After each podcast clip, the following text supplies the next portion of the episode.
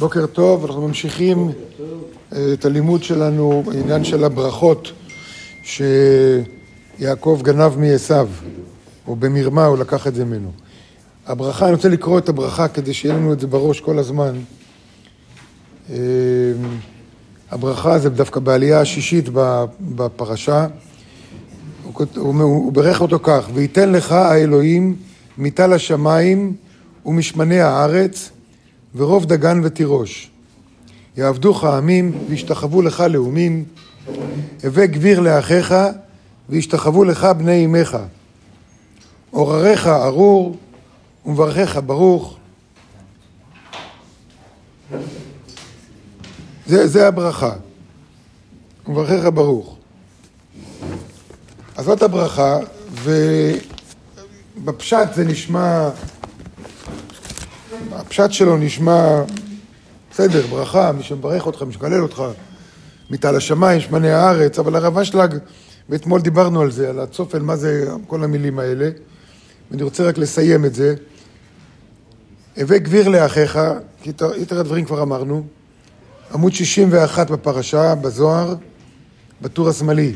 הווה גביר לאחיך, שהדרך שלך יישאר לנצחיות, והדרך של אחיך יהיה לך למסייע, כמו עבד המסייע לאדונו. וישתחוו לך בני אמך, היינו, מי זה בני אמך?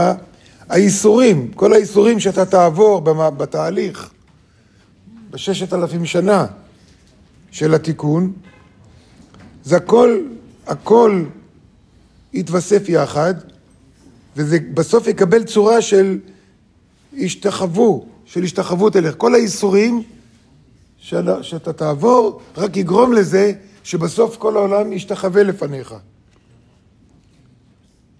עורריך ארור, מי שיחלוק על הדרך שלך.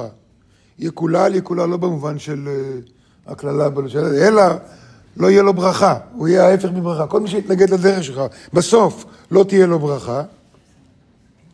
ומברכך ברוך, מי שיודה לך, מי שיקבל את הדרך שלך, מי שיקבל את זה שזה הדרך שלך, ויצטרף לזה שיש דרך אלוקית, שהיא דרך של ואהבת לרעך כמוך, בסיכומו של דבר, אז הוא יהיה ברוך.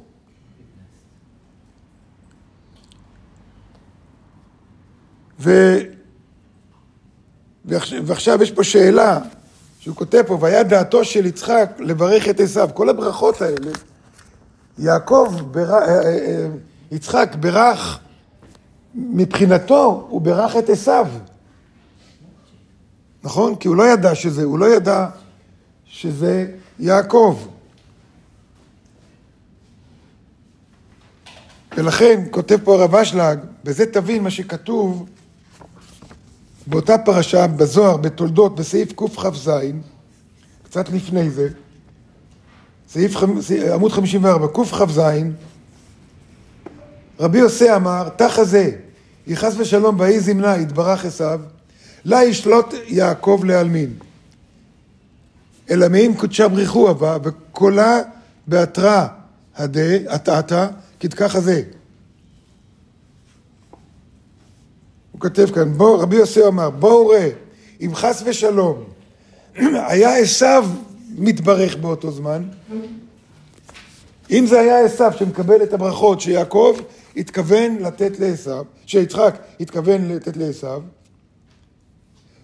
לא היה שולט עוד יעקב לעולם. זאת אומרת, אם זה מה שהיה קורה, יעקב, וכמובן כל צאצאיו, לא היה שולט לעולם. והיה נשאר חס ושלום תמיד בגלות, לעולמי עד. בגלות. אלא מאם הקדוש ברוך הוא היה, שהתברך יעקב, והכל על מקומו בא כראוי. עשו היה לעולם, זאת אומרת, אם עשו היה מקבל את הברכה הזאת, אז היה לנצחיות. היה לנצחיות. מה הבעיה עם זה? צריך להבין שיעקב מייצג את כל הנשמות שהכוח שלהם הוא כוח נצחי, ומה שהם עושים יכול להיות לנצחיות, בגלל מבנה הנשמה שלהם, שהוא מבנה אינסופי, ועשו מייצג את כל הנשמות שהכוח שלהם הוא לא לנצחיות. הוא כוח, יכול להיות כוח עצום אפילו, יכול להיות כוח עצום עצום עצום, אבל לא לנצחיות. לא לנצחיות.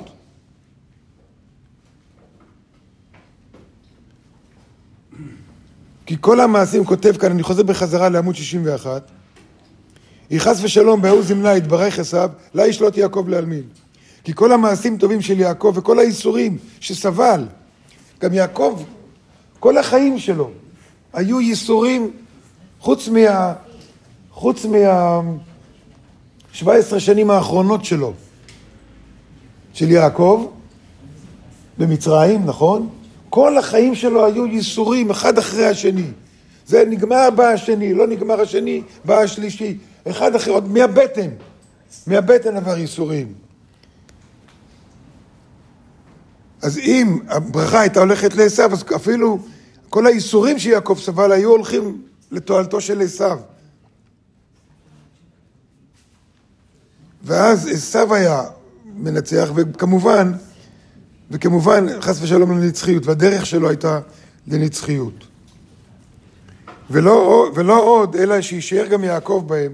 כלומר, הברכות היו קובעים את עשו חס ושלום לנצחיות, ואז היה חס ושלום יעקב כפוף לו כעבד לבני רבו.